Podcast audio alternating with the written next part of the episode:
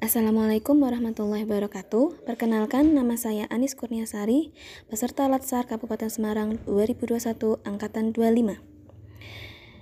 Di video ini, saya akan melakukan wawancara kepada salah satu pejabat publik yang ada di SMP Negeri 1 Tengaran. Bersama saya telah hadir pembantu kepala sekolah urusan humas SMP Negeri 1 Tengaran, Ibu Windarti Diah Permata, SPD MPD. Apa kabarnya Bu Diah? Baik. Sebelumnya, terima kasih Bu atas waktunya yang telah berkenan untuk memberikan informasi terkait tugas latsar saya, yaitu tentang nilai dasar ASN. Baik Bu, kita langsung saja ke pertanyaan yang pertama.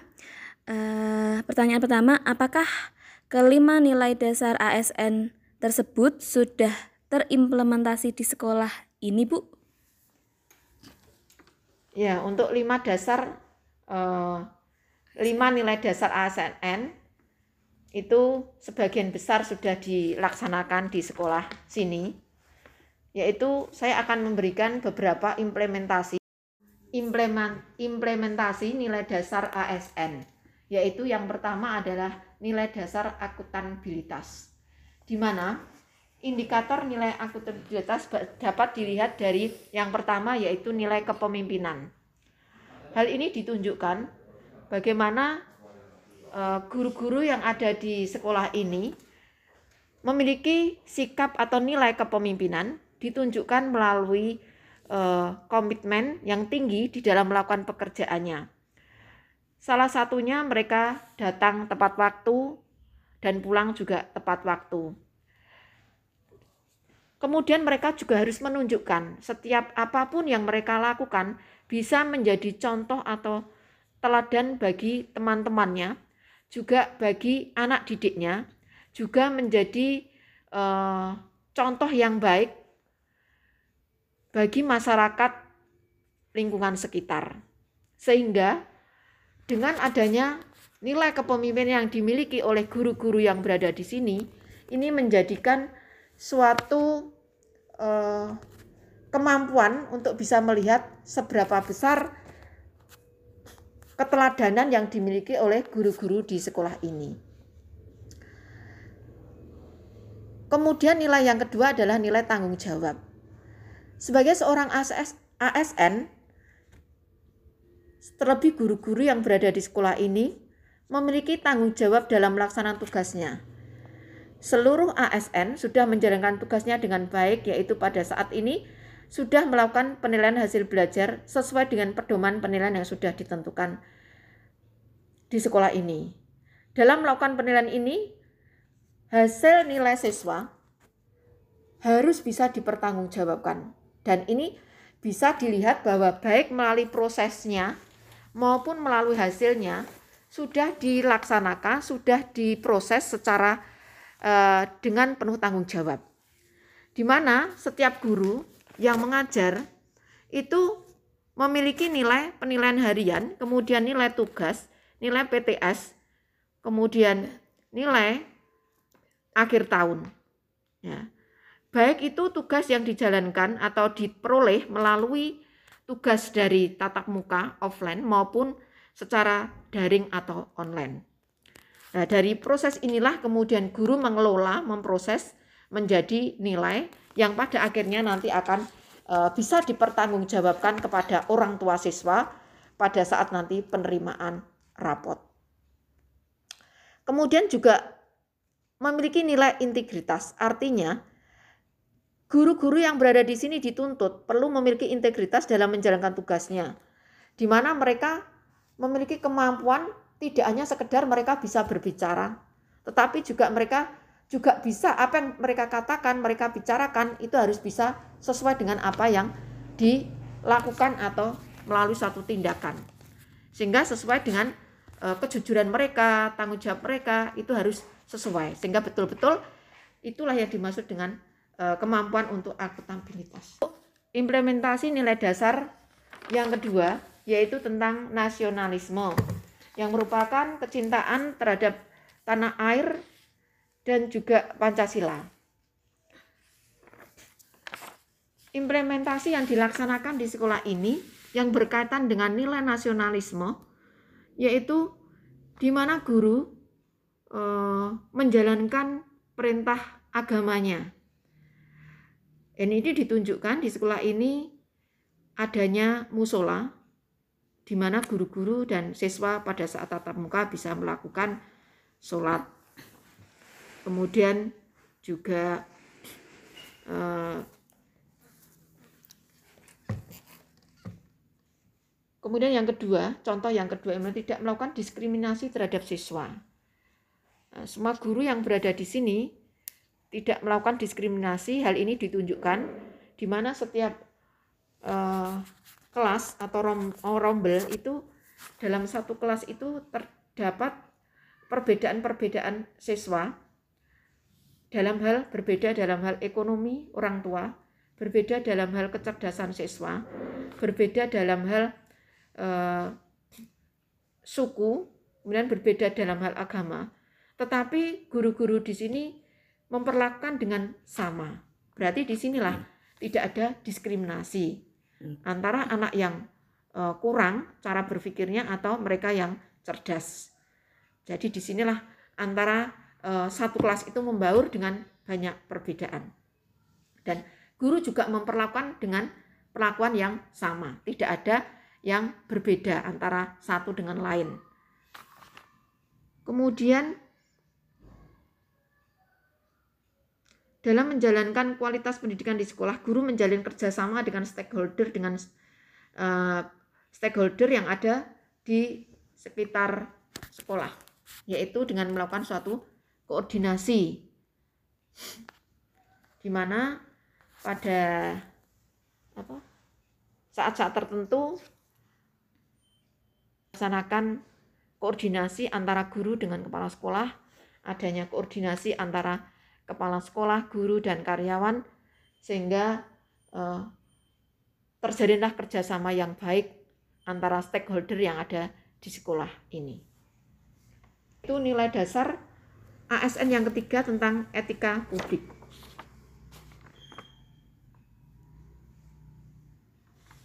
Yang berkaitan dengan uh, refleksi tentang standar atau norma yang menentukan baik buruk atau benar salah perilaku yang berkaitan dengan kebijakan terhadap publik.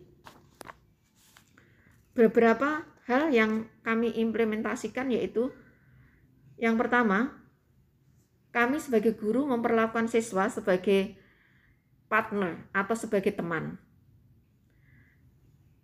Dalam ini, eh, guru tidak hanya eh, sekedar sebagai fasilitator buat siswa, bukan sebagai uh, atasan dan sebagai murid.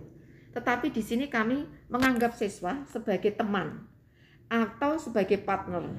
Sehingga guru dan siswa memiliki komunikasi yang baik. Anak-anak juga merasa nyaman. Hal ini bisa ditunjukkan anak-anak bisa berkomunikasi dengan guru secara bebas. Apa pun yang menjadi setiap kesulitan mereka, mereka akan begitu nyamannya untuk uh, apa mencurahkan hatinya persoalannya berbicara dengan guru dengan apa dengan dengan nyaman. Itu implementasi yang bisa dilakukan di sekolah ini yaitu guru menghasilkan karya tulis ilmiah yang memenuhi kaidah-kaidah ilmiah dan tidak melakukan plagiatisme. Itu artinya bahwa guru-guru ini sudah melakukan pembuatan karya tulis ilmiah ataupun membuat artikel ilmiah yang dipublikasikan dan mereka tidak melaku, melakukan plagiator. Nilai dasar ASN, nilai dasar etika, nilai dasar yang keempat yaitu tentang komitmen mutu. Nilai dasar yang keempat yaitu tentang komitmen mutu. Hal-hal yang berkaitan tentang komitmen mutu yang bisa diimplementasikan di sekolah ini, yaitu tentang bagaimana guru senantiasa melakukan refleksi atas apa yang sudah dilakukan setelah selesai pembelajaran. Dan ini merupakan suatu evaluasi bagi seorang guru di mana dengan adanya refleksi hasil evaluasi pembelajaran ini guru bisa mengetahui, memahami apa yang menjadi kesulitannya, apa yang menjadi hambatan, yang menjadi kendala sehingga dari refleksi setelah selesai pembelajaran ini menjadikan guru untuk meningkatkan, memperbaiki apa yang seharusnya dilakukan untuk pembelajaran yang tahap berikutnya. Guru juga perlu uh, implementasi yang berikutnya, implementasi yang bisa dihasilkan melalui komitmen mutu adalah guru juga perlu melakukan inovasi pembelajaran. Hal ini ditujukan untuk meningkatkan kualitas pembelajaran. Dalam melakukan inovasi pembelajaran ini, tidak hanya sekedar dalam hal tatap muka. Terutama pada masa pandemi seperti ini, guru melakukan inovasi e, tentang bagaimana memberikan media-media pembelajaran terutama pada saat melakukan pembelajaran secara daring atau online. Guru sudah melakukan inovasi pembelajaran yaitu terlebih pada saat memberikan materi secara online, guru yang e, pada awal-awal pertama memberikan tugas kepada siswa dengan anak e, memberikan tugas untuk membaca di buku paket. Tapi kemudian setelah bertahap, guru juga belajar melakukan inovasi dengan membuat PowerPoint di dalam proses pembelajaran. Sehingga anak-anak merasa senang dengan kondisi seperti itu. Kemudian guru juga melakukan peningkatan karena tidak semua anak bisa e, memiliki kemampuan untuk menerima PowerPoint dengan baik. Kemudian kami mencoba melakukan inovasi dengan membuat media pembelajaran berupa video pembelajaran. Dan kami tingkatkan lagi dengan penggunaan e-book, buku elektronik. Di mana anak-anak bisa belajar secara eh, bisa belajar secara online melalui uh, buku elektronik atau e-, e-book. Sehingga di sinilah dengan adanya inovasi-inovasi yang dilakukan guru terlebih pada masa pandemi ini di mana guru dituntut lebih baik, lebih bagus, lebih baik supaya kualitas pembelajaran meningkat dengan baik. Dan untuk nilai dasar yang kelima yaitu anti korupsi yang bisa diimplementasikan di dalam sekolah ini yaitu tentang bagaimana eh, dalam sekolah ini juga ada bidang keuangan untuk bidang keuangan secara rutin akan e, dilakukan laporan sebagai bentuk transparansi sekolah terhadap masyarakat. Untuk itu sekolah akan memberikan laporan keuangan melalui bendara BOS yaitu laporan kepada masyarakat melalui komite maupun kepada orang tua siswa. Guru-guru sebagai ASN salah satu bentuk anti korupsi adalah tentang waktu yang bisa suatu saat mereka akan melakukan korupsi.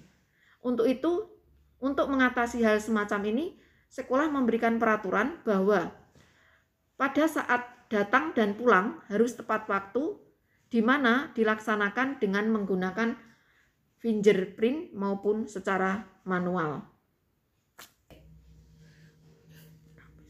Saya paparkan merupakan jawaban tentang implementasi nilai dasar ASN eh, yang berbasis aneka.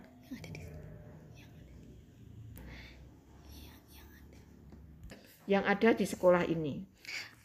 Baik Bu, berarti eh, memang sudah cukup baik ya Bu ya eh, peng, pengimplementasian lima dasar ASN yang ada di sekolah ini, Bu.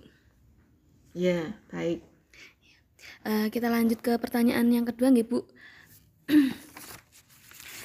Hambatan apa saja yang muncul ketika mengimplementas mengimplementasikan kelima nilai dasar ASN di sekolah ini, Bu? Ya. Untuk masa-masa pandemi ini hambatannya sangat besar sekali, terlebih karena e, sebagian besar anak-anak belajar secara daring atau online. Dan sekolah ini berada di sekitar anak-anak e, berada di wilayah lingkup pedesaan sehingga banyak kendala yang e, kami hadapi terutama untuk anak-anak yang berada di pedesaan di mana dalam proses pembelajaran daring mereka mengalami kendala dalam hal internet. Dan ini juga menjadi hambatan buat kami sebagai guru di, di dalam melaksanakan proses pembelajaran uh, yaitu secara online atau daring dan ini uh, menjadi hambatan bagi kami yang terbesar karena seluruh pembelajaran harus melalui jaringan internet juga dengan hambatan ketika kami harus uh, tatap muka kepada siswa. Hampir hanya yang masuk sekolah tatap muka hanya 60%. Selebihnya mereka tidak masuk karena berbagai macam alasan. Karena masa-masa pandemi ini begitu apa? fleksibel dalam arti mereka tidak diwajibkan atau dengan aturan yang ketat untuk tatap muka, sehingga anak-anak yang cenderung mereka lemah badannya atau mereka tidak sehat, mereka tidak akan masuk sekolah. Tetapi juga bukan alasan yang utama. Ada juga beberapa macam alasan anak-anak yang tidak bisa tatap muka karena tidak ada yang mengantar. Orang tua yang sibuk bekerja, orang tua yang e, berdagang dan sebagainya sehingga anak-anak tidak masuk sekolah. Dan ini yang menjadi kendala kami, bagaimana seharusnya e, hambatan kami Eh, bagaimana kami harus uh, memenuhi proses pembelajaran sebaik-baiknya kepada seluruh anak didik kami. Selain kendala dari sisi siswanya, guru-guru ada beberapa guru yang juga memiliki kendala dalam hal kemampuan mereka yang tidak melek teknologi. Sehingga ketika mereka harus dituntut untuk memberikan pembelajaran secara daring atau online, mereka kurang mampu untuk bisa melakukan pembelajaran secara daring dengan baik. Nah, ini menjadi kendala bagi mereka yang betul-betul kurang mampu di bidang digitalisasi. Itu yang bisa kami sampaikan berkaitan dengan kendala bagaimana dalam mengimplementasi kendala dalam mengimplementasi kelima dasar ASN. Baik, jadi kendalanya ada di siswa dan ada juga yang di guru ya Bu. Lalu Bu, eh, apakah ada tantangan yang dihadapi dalam penerapan atau pengimplementasian lima nilai dasar ASN di sekolah ini, Bu? Selain tadi saya katakan sebagai kendala atau hambatan, tapi ini juga menjadi suatu tantangan bagi kami sebagai seorang guru yang berada di, da, di era digitalisasi ini. Terutama bagaimana kami mengatasi anak-anak yang berada di pedesaan di mana Eh, kemampuan jaringan internetnya yang begitu lemah sehingga tidak mampu mengakses pembelajaran secara online dengan baik. Kemudian kami mencoba yaitu melakukan proses pembelajaran dengan e, menempatkan anak-anak yang dekat dengan rumahnya. Berkelompok dua eh tiga atau empat anak di tempat yang berdekatan di mana mereka memiliki e, jaringan internet yang lemah. Kami mencoba datang di tempat salah satu rumah anak, kemudian mengajar secara berkelompok empat atau tiga anak, sehingga tidak e, membentuk kumpulan yang lebih besar, kerumunan atau e, jumlah anak yang besar. Kami hanya membutuhkan tiga atau empat anak untuk kami e, mengajar kepada mereka yang terkendala dalam jaringan internet yang lemah. Kemudian juga bagaimana untuk beberapa guru yang mungkin belum mampu mengikuti uh, pembelajaran secara daring atau online karena mereka uh, apa? Karena mereka kurang melek teknologi, yaitu dengan cara uh, belajar tahap demi tahap bagaimana mengajari teman-teman yang sudah begitu menguasai. Mereka mengajarkan bagi teman-teman guru yang belum mampu untuk melakukan pembelajaran secara daring dengan beberapa media. Sehingga di sinilah terjadinya uh, tutor sebaya antara guru yang sudah memiliki kemampuan yang lebih dalam bidang pemberi, pemberian media pembelajaran yang baik dengan guru-guru yang tidak melek teknologi sehingga uh, antara satu dengan lain lainnya guru terjadi suatu kerjasama yang baik. Baik Bu, iya jadi tanta uh, hambatan tadi menjadi tantangan ya Bu ya untuk uh, mewujudkan lima nilai dasar ASN di sekolah ini. Lalu Bu, yang terakhir Bu, uh, apakah ada resiko bila kelima nilai dasar tadi tidak terimplementasi di sekolah ini? Dan kelima dasar tadi ada kendalanya atau hambatan, kemudian ada e, tantangan sebagai tantangan, tapi juga ada resikonya. Kami sebagai guru dan juga sebagai ASN, kami perlu e, apa, me mengikuti perkembangan zaman karena kami hidup dalam era digitalisasi ini. Sehingga kita perlu untuk terus mengikuti dan terus belajar berinovasi bagaimana seharusnya kami mengajar dengan model-model pembelajaran yang terbaru yang mengikuti sesuai dengan apa uh, yang ada sesuai dengan zaman ini. Sehingga anak-anak tidak hanya sekedar menerima materi tapi mereka merasa nyaman dan mereka juga uh, meningkat kualitasnya. Demikian juga dengan guru, dengan mengikuti teknologi ini kami semakin meningkat kemampuan kami, semakin profesional kami mengajar dan ini menjadi suatu uh, yang harus kami lakukan. Jika kami tidak melakukan atau tidak mengikuti perkembangan teknologi, tidak mengikuti di era digitalisasi ini, maka risiko yang kami uh, terima adalah kami tidak bisa mengikuti perkembangan dengan baik Akhirnya kami menjadi ketinggalan dan kami tidak bisa melakukan uh, pekerjaan apa pun yang menjadi tanggung jawab kami sebagai seorang pendidik dan juga pengajar di sekolah ini. Sehingga akhirnya kami menjadi seorang guru yang terbelakang. Demikian yang bisa menjadi jawab, jawaban kami tentang uh, resiko sebagai seorang guru jika kami tidak bisa mengimplementasikan lima dasar ASN. Baiklah, itu tadi wawancara saya dengan Ibu Windarti Diah Permata. Eh, kepada Ibu Windarti Diah, saya ucapkan terima kasih banyak atas informasi yang sangat bermanfaat ini. Eh, dan akhir kata, wassalamualaikum warahmatullahi wabarakatuh.